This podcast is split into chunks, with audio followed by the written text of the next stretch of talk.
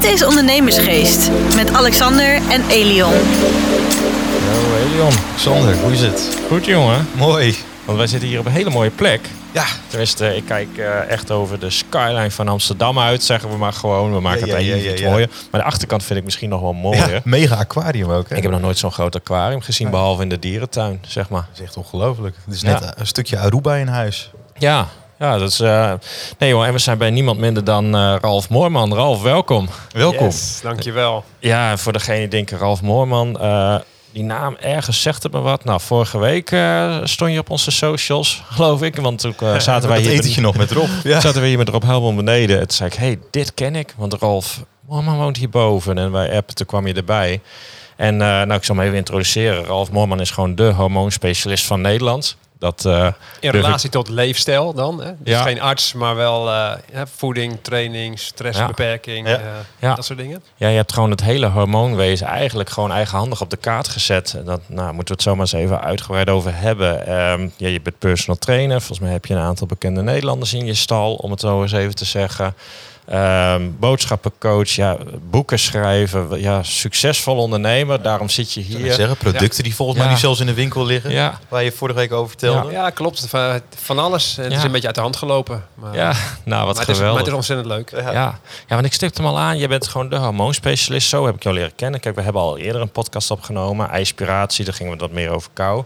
Maar ooit kwam mijn vrouw met een boek aan. En eh, nou, die was eh, op dat moment wereldnieuws. Want er stond een, eh, ja, eh, Elion, er stond een piemelmeter in.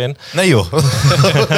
Dus volgens mij daarmee kwam jij in elke podcast. Elke, iedereen moest Ja, ja. dat. Dat, dat was gewoon zo'n uniek stukje marketing ook. Ja, ik weet niet of dat de Ja, bedoeling dat was. was mijn mannenboek, de Testo-factor. En da- ja, dat, dat is ook heel mannelijk geschreven. En dit soort onderwerpen, eh, taboes en dat soort dingen, die eh, hebben we gewoon helemaal open en bloot gegooid. Ja, Ja. geweldig. Ja, en dat boek kreeg ik. Toen dacht ik, goh, wat een leuk boek. En nou, dan ga je daar eens even in, in, diep, eh, of in verdiepen. Dus zo kwamen we een beetje bij jou uit. En ik denk van, god, die man doet toch wel mooie dingen. Maar, maar neem ons mee, want jij bent van oorsprong ingenieur. Ja, levensmiddelen technologie. Ik heb Wageningen, Wageningen eh, Universiteit gedaan. En mijn doel was daar vooral eh, ja, kijken hoe ik eh, gezondere voeding kon maken voor in de supermarkt. Ehm, daar heb ik ook mijn stages op, op ingericht. En toen dacht ik, nou, dit wordt hem wel. Ik, ik heb allerlei ideeën, dit ga ik nu uitrollen. Ze, ze ontvangen me met open armen. En ze zei, oh Ralf, van een goed idee, we gaan het maken. En toen kwam ik er van ach- eigenlijk achter dat ja, het vooral daar over patenten ging. En ik- kwam met natuurlijke voeding kwam ik aan. En ik kon geen patent aanvragen op mijn voeding. Dus een concurrent kon het zo namaken. En eh, dat is het e- eerste probleem. Het tweede probleem is dat, eh, dat de vraag niet groot genoeg was op dat moment. Het was nog niet zo- zo'n hype eh, als het ja, de afgelopen jaren geweest is. En toen dacht ik, ja, ik ga hier niet mee verder. Ik ga het heel anders doen. Ik ga mensen begeleiden naar gezond leven. En die vraag vergroten naar gezonde producten. En dan kan ik ooit nog wel een keer als technoloog Ja. terugkomen. Ja. Ja, nou gaaf hè. En nou ja, je bent op een gegeven moment ben je weer doorgegaan. En toen kwamen de hormonen op je pad. Ja, ja, Ja. Ik, ik heb natuurlijk een eh, ja, soort van framework nodig waarop ik mijn visie baseer. Eh, en ik, ja, ik heb van jongs af aan van mijn vader al geleerd dat eh, dieren en mensen zich kunnen aanpassen aan een veranderende eh, omgeving. En dat doen ze met genen, dat doen ze met darmflora en met hormonen. Nou goed, en dat dacht ik van verdorie joh. Ik, eh, ik kom er toch steeds meer achter dat ook bij de mens de link, er een link is tussen leefstijl en hormonen.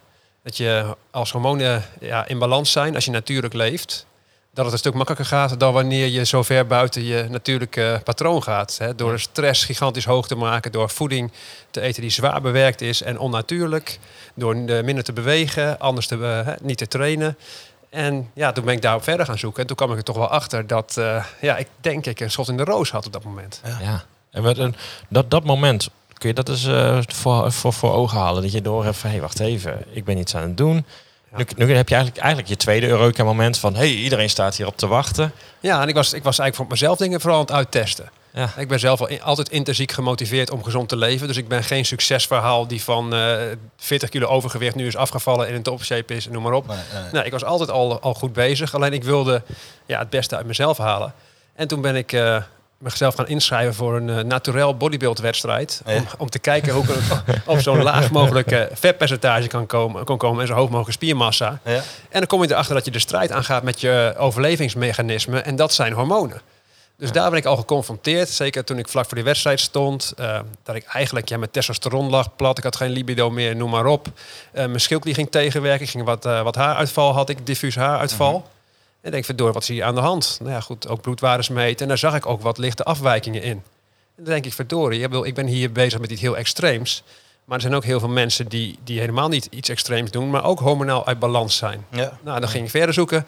Dan, toen kwam ik eh, eigenlijk meer op de, de meest fanatieke idiote stroming eh, van de wereld. Dat is de anti-verouderingsstroming. Artsen die, ja, die willen veroudering vertragen. En dat doen ze aan de ene kant met de meest optimale freaky leefstijl. Ja. En dan halen ze natuurlijk bloedwaardes ernaast en kijken van, goh, wat doet dit? Want En hoe daarna- ziet zoiets eruit? Ja, eigenlijk, ze zijn dus een leefstijl aan het perfectioneren. En je moet dan echt ook denken aan ja, freaks die zeggen van we gaan voeding niet meer boven een bepaalde temperatuur verhitten, want dat geeft ongezonde stoffen en dat verouderen, hè, dat promoot veroudering. Maar daarnaast ook keken ze natuurlijk heel erg naar hormonen. En, dan, en aan de ene kant leefstijl beïnvloeden en aan de andere kant ook een toefje hormonen toedienen. Dus als je ouder wordt, worden hormonen lager in, eh, in niveau. En dan eh gingen ze dat op, opkrikken naar een Ja. jeugdiger level. De testosteronsalfje. Dat is er één van, maar je hebt natuurlijk veel meer hormonen. En, en daar gaat het natuurlijk veel verder dan alleen maar dat hè, wat bekendere testosteronzalfje... wat er nu eh, ook in Nederland steeds bekender wordt. Eh, alleen, waar kwam ik daarvoor? Ik wilde vooral weten, leefstijl. Zij doen alles met leefstijl, proberen alles uit... en zien bloedwaardes ernaast. Nou goed, dat is een mooi aangrijpingspunt voor mij om te beginnen. En eh, daar heb ik eigenlijk mijn hormoonfactorvisie op gebaseerd. En dat ben ik later gaan testen weer bij proefpersonen... die ik begeleide in de gym. Oké. Ja, Sander Lussink. Ja. om, eh, dat is, dat is Ik iets heb later. nog hoor. nooit van gehoord, hè? Dat is iets later. Ja. Ja. Nee, nee, maar dat zeg je wel. Dat is laat. Want alles wat je nu zegt, ja, ik denk dat een heleboel denken, ja, dat is logisch. Maar toen jij dat zei, Ja, toen, toen, nee. toen kwam er toch wel wat anders eh, op je Ja. af. Want Hè, hoeveel jaar is dat geleden? Nou, het is twaalf jaar geleden Ja. ongeveer, toen, eh, toen ik dit in, eh, in boekvorm eh, uitbracht. Mhm. Ja, en, en dan vervolgens eh, had ik het geluk dat ik, eh, ik, ik trainde Onno Hoest, de, de man van Albert Verlinde. Eh, en die ben ik ontzettend dankbaar tot de dag van vandaag, want die hebben mij echt ge- gewoon gemaakt in Boulevard. Ik was bijna een reclamesport. eh, sport die- Boulevard. Ja. Ja, het was, het was belachelijk. En, en op dat moment dat het boek uitkwam, ja, was het ook de eerste druk was gewoon in, in ja, dezelfde avond nog uitverkocht en ik moest bijdrukken en Zo. ja, het ging helemaal los. Alleen je goed weet, gevoel, of niet? Ja. ja. alleen je weet, zo gauw je in één keer het nieuws komt eh, eh, eh, ja, en, en mensen kennen je niet, dan zijn er heel veel conculega's die denken, wat krijgen we nou? Het gaat over hormonen, ik heb een heel ander concept. Dit mag niet, we gaan die jongen aanvallen. Dus dat heb je aan de ene kant. En hoe meer je aangevallen wordt, hoe meer boeken je verkoopt. Ja. Ja. ja. Dus het werd eigenlijk alleen maar meer en meer. Dus dat is eigenlijk een hele grappige periode. Alleen eh, wa- wa- wat ik als probleem had, is dat ik dit natuurlijk nooit verwachtte. En ik had helemaal geen hè, businessplan klaarstaan met allerlei producten of eh, en zelf, zelf niet eens een nieuwsbrief. Dus ik, eh, ik had al die media, ik was al die mensen kwijt. Joh. Me- meteen met een soort, soort hormoontest had ik gewoon online moeten zetten. Ja, gewoon En ze dan- in de funnel komen. Ja, laat Ja. hier je e-mailadres achter. En dat was allemaal op dat moment verloren. En, en, en ja, ook mijn mail, ik kon het niet eens meer beantwoorden. Ik had heel erg ik, 90 personal training aanvragen, zeg maar, na die uitzending. Ja, wat, moet ik, wat moet ik ermee? Ik, dus ik kon het ook niet kwijt. Ik had, ik had geen mensen opgeleid. Nee. En het, ja, toen ben ik eigenlijk te vroeg gepiekt. En het liefste Ja. had ik dit eh, ja, van tevoren geweten dat het succesvol zal worden. Hè, kijk, als je het vergelijkt met bijvoorbeeld, een, eh, misschien ken je dokter Frank. Dat was ook zo'n bepaald telegraaf eh, Ja, ja, dokter. ja, klopt. Ja. die hadden alles klaarstaan. En die weten van tevoren, al, al wat wij nu maken, gaan wij zo boosten. Dat wordt groot. Dan hebben we daar eiwitpoeders bij en dit en Exact, dat. ja. En dan krijg je een gigantisch verdienmodel. En ik, ja, leuk dat je hè, van zo'n boek eh, heel snel 10.000 verkoopt en, en dat soort dingen. Maar ja, een, een royaltytje, dat is niet waar je een bedrijf op, eh, op opbouwt. Hey, want, want, want op dat moment ben je eigenlijk ook ondernemer. Ja, dat was in één Ja. keer. Ja. Want hoe ging je daar dan verder mee om? Hè? Want je gaf het net al aan van ja, dat, eh, dat- je eigenlijk niet die vraag kon, eh, kon, kon bijbenen. Wa- Was het toen ook wat er in je hoofd omging van oké, shit. Nu gaan we hiervoor zorgen dat dit eh, wel allemaal nu... eh, Ja, dat, dat, was op dat moment. Alleen het lastige, als je op dat moment heel erg aan het hypen bent, dan komen er heel veel mensen op je pad die je allemaal willen helpen en dingen samen Ah, ja. willen doen. Hè? Als, je, als je wint, heb je vrienden. Dus dat, dat waren er heel veel. En ik zelf ja, was natuurlijk een heel enthousiaste jongen en ik was onwetend. En ja, dan is alles leuk. En dan word je een schot hagel. Dus in het begin eh, deed ik veel te veel. Er zat helemaal geen richtlijn achter. het was eigenlijk, ja, ik, ik deed maar wat op dat moment. Ehm, en ik had het geluk dat eh, een van mijn beste vrienden, de jeugdvrienden, die eh, zag dit gebeuren. En die zegt, Ralf, eh, volgens mij gaat het niet helemaal goed. Je, wordt, eh, je, je was in topshape, je wordt een beetje witjes en dat soort dingen allemaal. dus eh, eh, die heeft ervoor voor gekozen om te zeggen, oké, ik stop met mijn baan. En eh, ik ga op de achtergrond alles voor je regelen. Zo, Ja. Zo, super tof. wat een stap Ja. ook. ja, en ook een jongen die ik natuurlijk helemaal kon kan vertrouwen. En Ja. tot de dag van vandaag is hij eh, zeg maar mijn compagnon. Ja. Ja, Dus dat is ook, ook geweldig. En hij is juist een jongen die een bedrijfskundige achtergrond heeft en, en die ja, meer, meer overzicht houdt. Hè. Ik ben wat meer een ongeleid projectiel en zo, Ja, zo komen we bij elkaar. eh, Ook mooi in balans. Zeker. En het Ja. mooie is, ik ben een jongen die het leuk vindt op de, af en toe op de voorgrond te staan. En hij juist niet. Nee. Nee. Dus, dus hij is blij, heel gelukkig in zijn ding, ik, ik in mijn ding. En we zitten niet in mekaars vaarwater. nee, dat is wel mooi. En moest je dan ook, want ik kan me ook eh, nagaan als je dan zoveel publiciteit eh, krijgt, positief en ook negatief, wat je net al aangaf, dat je van alle kanten dus ook wordt aangevallen in negatieve zin. Ja. Hoe ging je daar dan mee om? Nou, dat is, is best spannend hoor, in, in het begin. Kijk, nu zou me dat niet zoveel meer boeien. Dan denk ik, oh yes, ik word aangevallen. Dan gaat, gaat mijn, eh, mijn omzet weer omhoog. Maar, maar op dat moment, kijk, ik ben zo'n boek gaan schrijven met... ik wil gewoon mensen helpen, ik wil het goed doen. En dan vervolgens krijg je al dit over je heen. Ja. Ben, ik nou Hoezo dan? ja, ben ik nou een slecht persoon? Mijn intentie is echt ontzettend goed. Ja. Maar goed, daar moet je eerst ervaring mee krijgen. Dat je dat gewoon, als jij media pakt en het gaat goed, kun je dit gewoon niet voorkomen. En je leert ook dat degene die jou aanvalt, dat is altijd eh, een concurrent eigenlijk. Ja. Dus uit 80% van de, van de mensen die dat deden, dan ga je weer verder zoeken. En dan bleken ze toch ergens een ander belang te hebben waar jij niet gunstig voor bent. Eh, Nee. Ze praten vanuit puur calorie tellen en dat soort dingen. Terwijl ik meer vanuit ja, de hormonen praat en de invloed op calorieën. Dat, dat zijn allemaal van die dingen die botsen op zo'n eh, op zo'n Ja. moment. Ja, en eh, het mooie was, mijn compagnon ging op de achtergrond in ieder geval mijn site goed doen. Dan ging, kwam er een nieuwsbrief bij. Werd allemaal beter eh, gereguleerd. Ja, en toen eh, ja, ben ik al heel snel begonnen met eh, een opleiding. En die dingen komen gewoon op je pad. Ik, toen kwam toevallig eh, de eigenaar van Zonneveld opleiding op Curaçao tegen. Ik deed een mediaronde. Hij zat, hij zat in de zaal. En ik zeg van ja, ik kan, me, ik kan mezelf niet klonen nu. Dat is niet handig. Ja, er zijn heel veel mensen die willen geholpen worden. Maar ja, ik ben de enige. Dat kan ik niet.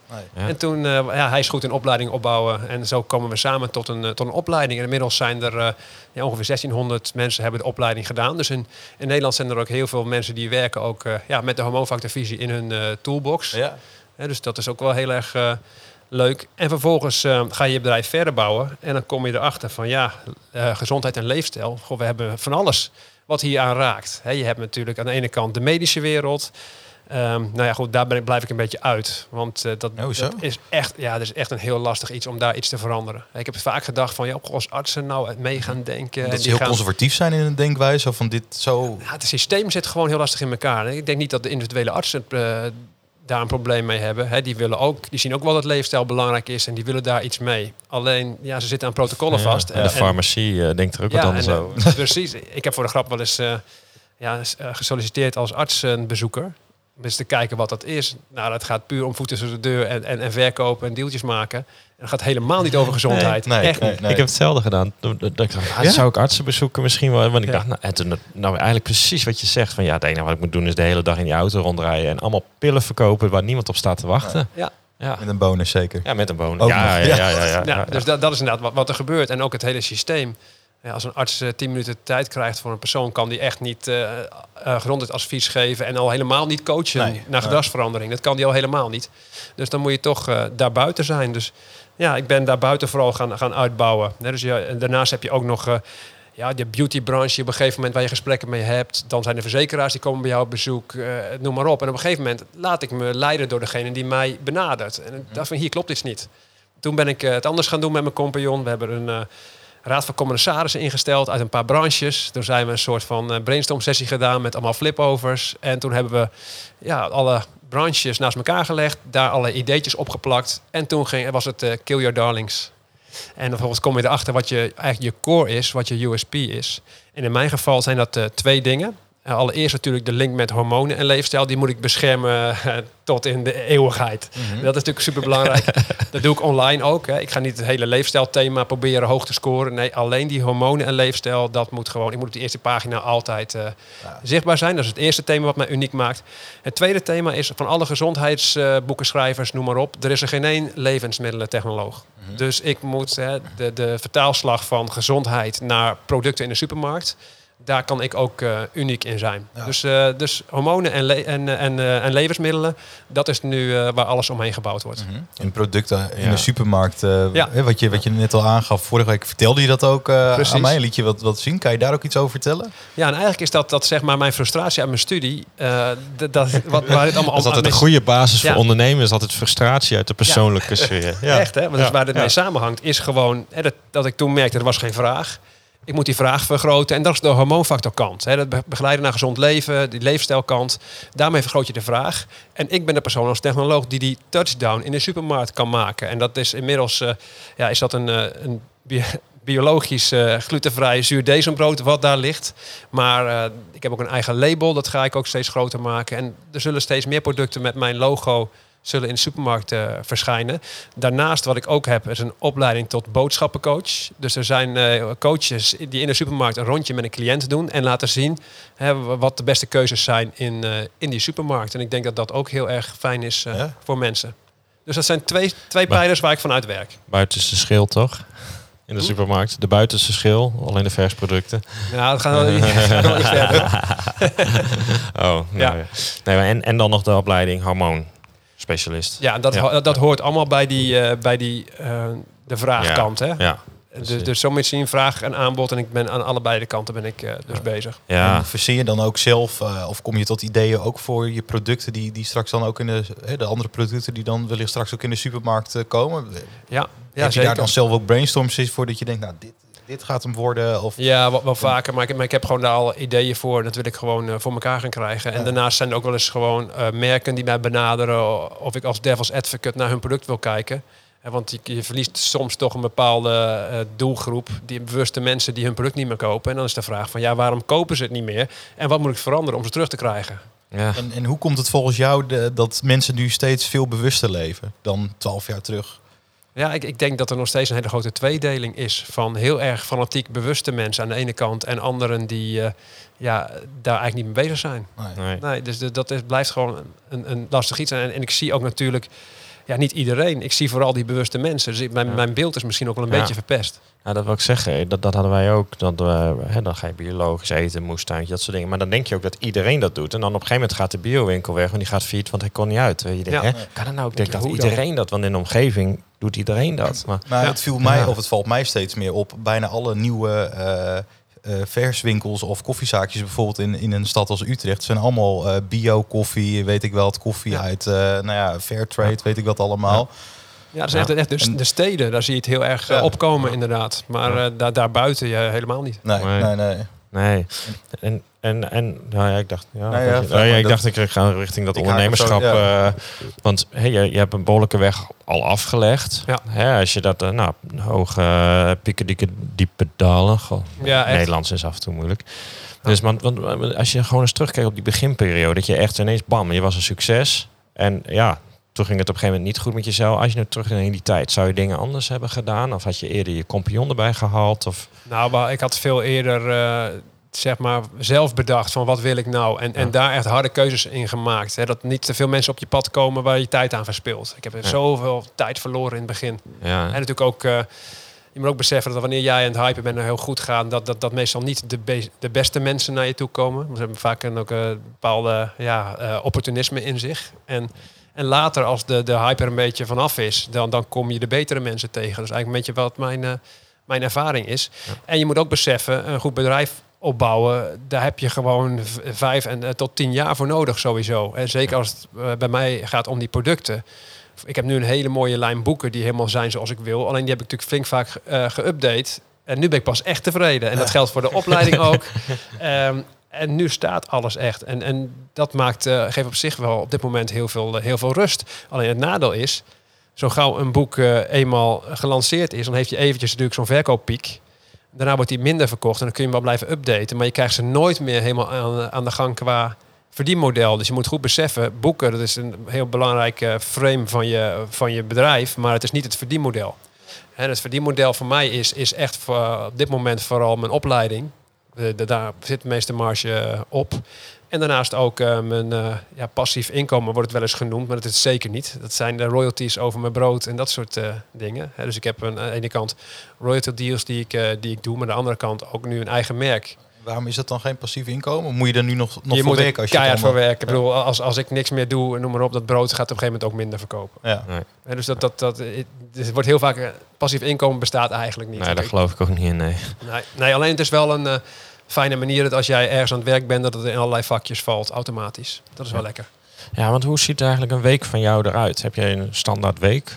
Of is het... eh, Nou, eigen- eigenlijk als je mijn dag bekijkt, meestal eh, s s'morgens, dan eh train ik wat vrienden. Ik altijd leuk in de gym. Dat geeft mij ook een beetje... ja, dat doe je dus nog wel. Ja, dus maar in, die leuk. harde keuzes is dat toch overeind gebleven? Ja, Als zei dat- de is- commissaris niet van... Hey Ralf, Nou, dat gaan we niet meer doen. Nou, het is, het is voor mijzelf persoonlijk belangrijk. Ja. Besef, als, als ik, eh, mijn- ik zei net, ik ben mijn blogs aan het updaten en SEO-proof aan het maken, of ik ben een nieuw boek, een boek aan het schrijven, dan is het behoorlijk eenzaam. Dan zit je een beetje ah, ja, op jezelf. Ik ben niet iemand die goed werkt als ik in een café ga zitten met alle, alle andere, eh, ondernemers en samen achter zo'n laptopje ga zitten, dan, dan, Ja. dan doe ik niks. Nee. Dus ik, ik sluit me meestal af.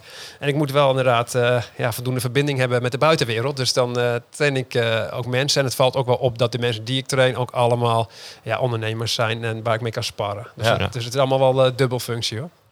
Ja, want dat is eigenlijk wel leuk dat je dat zegt. Van, je, het zijn allemaal ondernemers, je kunt er daardoor ook mee sparen. Want zeg je dan wel eens, joh, ik heb nou weer dat boek. En nou doet hij dat en dat niet. Hoe pak jij dat aan? Ja, natuurlijk. Ja, Ja. Ja, nee, dat, ik heb heel veel geleerd van, mijn, eh, van mijn cliënten. Ja. En, en ook een aantal die gewoon in mijn raad van commissarissen toen zijn aangesloten hoor. Dus dat, Ja. eh, dat komt wel. Maar je, je trekt die mensen ook aan. Dus dat is ook Ja. wel, eh, Ja, dat denk wel heel wel. leuk. Hè? Dus dat, dat, moet- dat is zeg maar mijn sociaal iets een beetje veiligstellen in die gym. Dan in de middag ben ik eh, vaak interviews aan het doen of aan het, iets aan het schrijven of eh, dingen aan het updaten zoals ik al, al zei. Ja. Ja, en dan, eh, ja, dat, dat, dat- dan, is het de vraag van heb je overdag lezingen of opleidingen of dat soort dingen. Dat, daar gaat ook veel van mijn tijd natuurlijk aan, eh, aan op. Ik word vrij veel voor lezingen geboekt. Gelukkig is dat weer helemaal eh, Terug. Terug. zeggen, ja, ja. dat Ja. gaat weer, eh, weer super. Ja. En ik heb natuurlijk die opleiding, zoals ik al zei, dat, ja, dat blijft ook nog steeds goed lopen. En het mooie is gewoon dat je ja, iedere keer dat beter probeert te maken, zodat de mensen meer krijgen dan ze verwachten en daar positief over praten. En meestal komt de volgende cursist komt via een ander. Het is allemaal ma- mond tot mond. Ja. En wat is tot nu toe jouw allergrootste ondernemersles geweest? Hmm, ja, dat vind ik een, eh, een, een, een lastige, want het zijn er heel veel geweest. Doen we Alleen- gewoon een aantal, top Ja. drie of zo. Ja, als je gewoon, gewoon kijkt, eh, eerst trouw zijn aan je core. Dat is eigenlijk in het begin wat ik fout deed. Dus dat ik met, met allerlei dingen, oh leuk dit, oh leuk dat. En dat je eigenlijk geleid wordt in plaats van dat je zelf aan het, eh, aan het roer staat. Ehm, daarnaast denk ik eh, ook dat ik in het begin gewoon geen goed verdienmodel had. Ik eh, dacht van ik moet meer boeken verkopen. En in het begin is dat een verdienmodel. Als je er eh, in een maand eh 15.000 verkoopt, denk je nou dit is een goed verdienmodel. Maar als je daarna keihard aan het werk bent om een paar honderd te verkopen, dan merk je met een royaltytje, dat, daar ga je niet van kunnen leven. Nee. Dus toen kwam ik erachter, oké, zo- zo'n boek is eigenlijk een visitekaartje. Daar moet je helemaal niet druk op maken om die marges die je daarop op hebt. Maar het moet in een aantal vakken vallen. Ehm, en wat ik toen ook daarna verkeerd heb gedaan, het moet in vakken vallen en dan ga je steeds meer vakken maken. En op een gegeven moment heb je zoveel vakken dat je het niet meer kunt promoten. Ja. Dus dat, dat is ook een, eh, een probleem. Dus je moet ook daar keuzes in maken. Ja.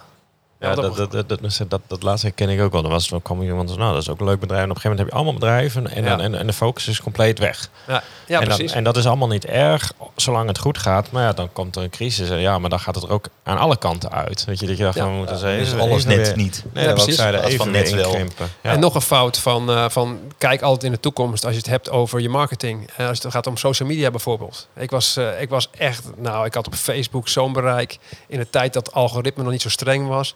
Nou, ik, heb, ik reken me helemaal rijk en ik denk van dit, komt helemaal goed. Alleen achteraf kom ik erachter dat dat helemaal is eh, geknepen. En dat werd een stuk minder. En nu zelfs, zelfs eh, ja, het is niet meer te vergelijken met, eh, met wat het toen was. En ik ben blij dat ik op het eind nog net eventjes wat eh, s- gratis dingen heb bedacht om wat meer mensen mijn nieuwsbrief in te krijgen. Want dat Ja. blijft nog een beetje, een beetje van mij. Al Ja. zijn er nu honderd nieuwsbrieven, wat ook weer minder wordt. Dus ook Mhm. qua marketing, ja, reken jezelf niet rijk. Het is allemaal tijdelijk. Hè? Ja. Ja. En zie je daar ook nog trends eh, voor in de toekomst? Ik, ik heb een beetje moeilijk eh, wat Ja? dat betreft met, eh, met socials. Eh, Instagram, TikTok is toch niet helemaal mijn, mijn ding. Ik ben iemand die het heel goed doet om bijvoorbeeld een analyse van, van een nieuw dieet of, of, of ja, wetenschappelijk artikelen schrijven. Ja, daar heb ik veel meer ruimte voor nodig. En dat zijn toch, ja, het is toch echt Facebook en, en LinkedIn waar je dat nog een beetje, Ja. waar je daarmee kunt scoren. Maar ja, als, op TikTok meteen, ja, Dat is dat anders. past niet dat bij duurt me. ook te lang. Dat is, het is, tegenwoordig moet alles zo snel. En, Precies. maar raakt ook alles alleen maar verzadigd tenminste. Ja, nou ja, het, zit- ja, dat is het, ja. En je wordt zo afhankelijk ervan. Ja, is zo. Ja. Maar, maar je weet gewoon eigenlijk, en waar ik best wel... eh, eigenlijk ben ik er best geïrriteerd over. Dat, dat in feite, zo'n Facebook... Ik heb er keihard voor gewerkt. En met, met mij heel veel anderen. Om hele mooie content te leveren aan Facebook. Ja. Om daar vervolgens een bereik te hebben. En vervolgens gaan zij er geld aan verdienen en gaan jou knijpen. Terwijl je Ja. hebt ze verdomme gemaakt. Ja. Ja. Met z'n allen hebben we dat gedaan. ja, nou ja, zo is het wel. En dat zie je iedere keer.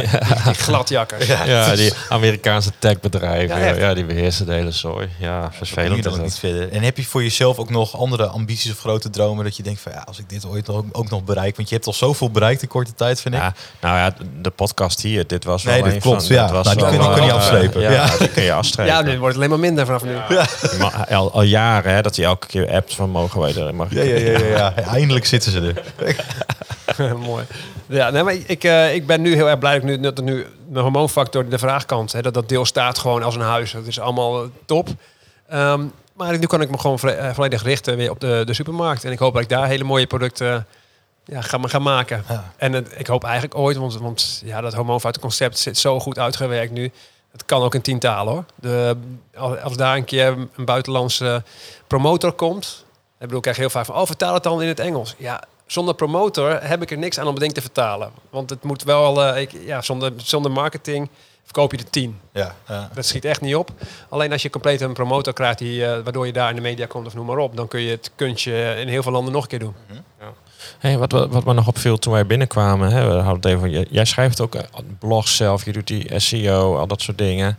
Ja, in fe- in feite, Ja. eh, mijn compagnon eh, die werkt het uit. Ja, En dan krijg ik eh, door welke zoektermen en, en waar ik op moet letten en dat soort dingen. En dan ga Ja. ik hem natuurlijk die blog uitwerken. En het mooie is, mijn compagnon die is ja, gewoon qua inhoud, wil hij niks mee te maken hebben. Dus dat hebben wij vo- volledig gescheiden. Niet hij vervolgens mijn blogs gaat aanpassen en ik lees en ik denk van, hé, hey, wat heeft hij nou gezegd? Dat is helemaal mijn visie niet. Nee, nee, nee, dus dat is echt een ideale samenwerking. ja, ziet hij er ook zo afgetraind uit? Nou, hij is ook gewoon in sha- goed in shape hoor. Ja, hè? Ja, anders kom je er hier niet... nou. Anders komt hij hier niet in. Nee. Er was ook zo'n hele controle aan de voordeur net. zo, ja. Nee, ik had toch wel grapje. blokjesbuik. Nou, dan mag je erin. Ja. Ja, nou, je kwam er goed door.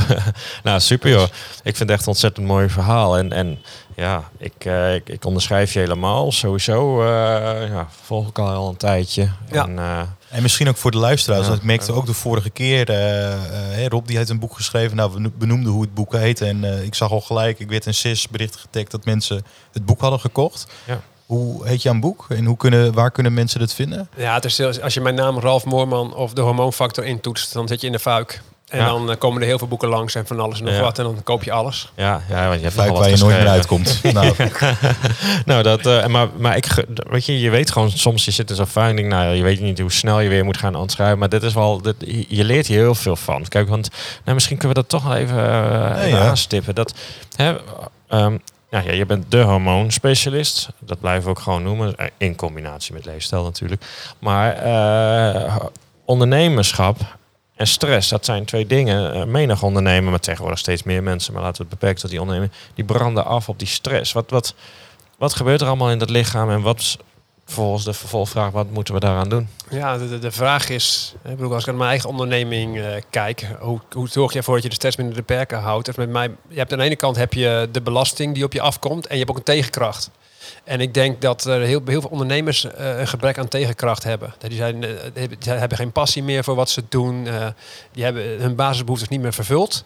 Ja, en dan kun je ook door kleine stress uit de weg geduwd worden. Ik ken ondernemers die 80 uur per week werken, perfect in balans zijn, omdat ze echt gewoon een gigantische tegenkracht hebben. Ze zijn fit, ze, ze, ze staan voor de zaak, ze, halen er iedere keer nog bepaalde, bepaalde energie uit en, en dat soort dingen. En eigenlijk is dat de basisvraag.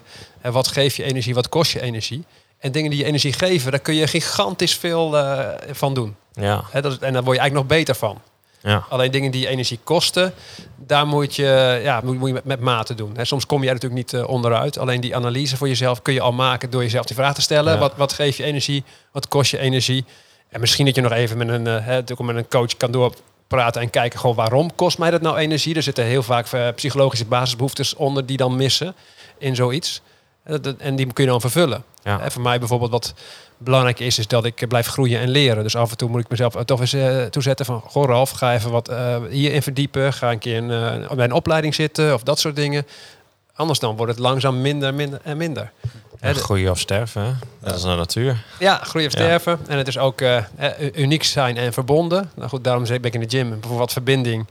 Eh, anders word je wat eenzaam en noem maar op. En ik er zijn natuurlijk veel bekende Nederlanders die ook problemen hebben met verbinding. Hè, wat is nou echte verbinding?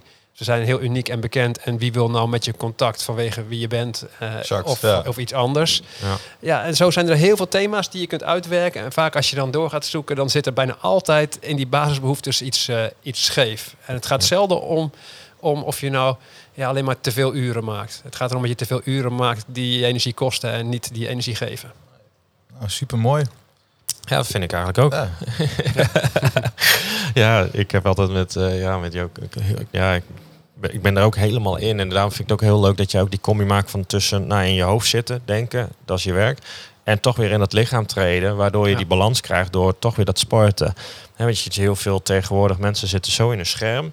Dat zijn wel de hoofdjes geworden. En, en ja, dat, dat, dat gaat helemaal losweken. En ja, dan zie je, eh, hè, dat zal zeggen, joh, neem een moestuin. Dan zit je even met je handen in de aarde, ben je even weer lichamelijk bezig. En jij doet dat heel erg met sport. En daardoor heb je een mooie combi en zie je er waarschijnlijk zo afgetraind uit. Want ja, Ja, dat, eh, dat, dat kan je komt niet alleen. Nee, je dat- komt er niet alleen Nee, aanwaaien, zeg nee, maar. daar moet je, daar moet je je, best voor doen. En Ja. ik heb zelf gelukkig behoorlijke intrinsieke motivatie daarvoor. En bij een Ja. ander die moet dat vergroten.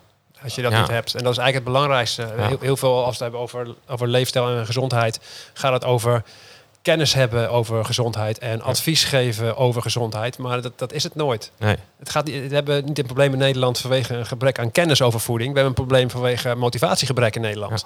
En daar wordt niks mee gedaan. Een voedingscentrum wat alleen maar met het vingertjes loopt te wijzen. En zo moet je eten en zo niet. En kennis spuit en nul motivatie eh, Ja. geeft. Ja. Ja, dat werkt niet. Nee, nou ja. Ja, ik sluit me er weer aan. Ik kijk even naar Elion. Ik sluit me er ook helemaal bij aan. Nou, nee, maar dan, nou, dan hebben we weer... we Dan zijn we, dan zijn, eh, Dan zijn we het daarover eens. We gaan mooi eh, naar een afronding toe. Eh, Ralf, laatste woord nog even aan jou. Heb jij nog dingen dat je zegt, joh, dat moet je even kwijt. Of mensen moeten dat echt doen. En dan met name, ja, het zijn toch altijd wel ondernemers die naar ons luisteren. Maar ook heel veel mensen die nou, ambities hebben. Ehm, moeten ze eh, nog iets hormonaals doen, eh, iets smeren? Eh, juist niet. Of zeg je, joh, ga gewoon lekker sporten. En, Nee, gewoon, gewoon inderdaad als het over gezondheid gaat, is het vooral eh vraag naar jezelf naar waarom wil je gezond leven. En die waarom moet sterk genoeg zijn. Ja. Dus, dus als dat niet sterk genoeg is, ga je niet verdiepen in allerlei kennis, terwijl je motivatie niet groot genoeg is. Ja. En je moet beseffen van wie wil je, wie wil je zijn, wie wil je niet zijn. Hoe wil ik erbij zitten over tien jaar en hoe niet. En dan kan er hopelijk een motivatie eh, uitkomen. En als je die Ja. motivatie hebt, ga dan pas kijken naar bijvoorbeeld eh, mijn boeken. ja, nou, super. ja, dat is het allermooiste antwoord. vind ik ook. hebben. Alexander, jij eh, blijft nog in Amsterdam, denk ik, hè? Ik blijf nog even in Amsterdam. Ik denk we zo even wat gaan eten. We zullen even vragen of ze ook eh Ralf Moorman brood hebben in de winkel hier beneden. En dan, ehm, ja, vanmiddag nog een podcast. Ja, dus eh, abonneer even op ons kanaal en dan eh, zijn we de volgende week woensdag weer. tot volgende week woensdag. Dankjewel. Hoi. Dit was Ondernemersgeest. Bedankt voor het luisteren en tot de volgende keer.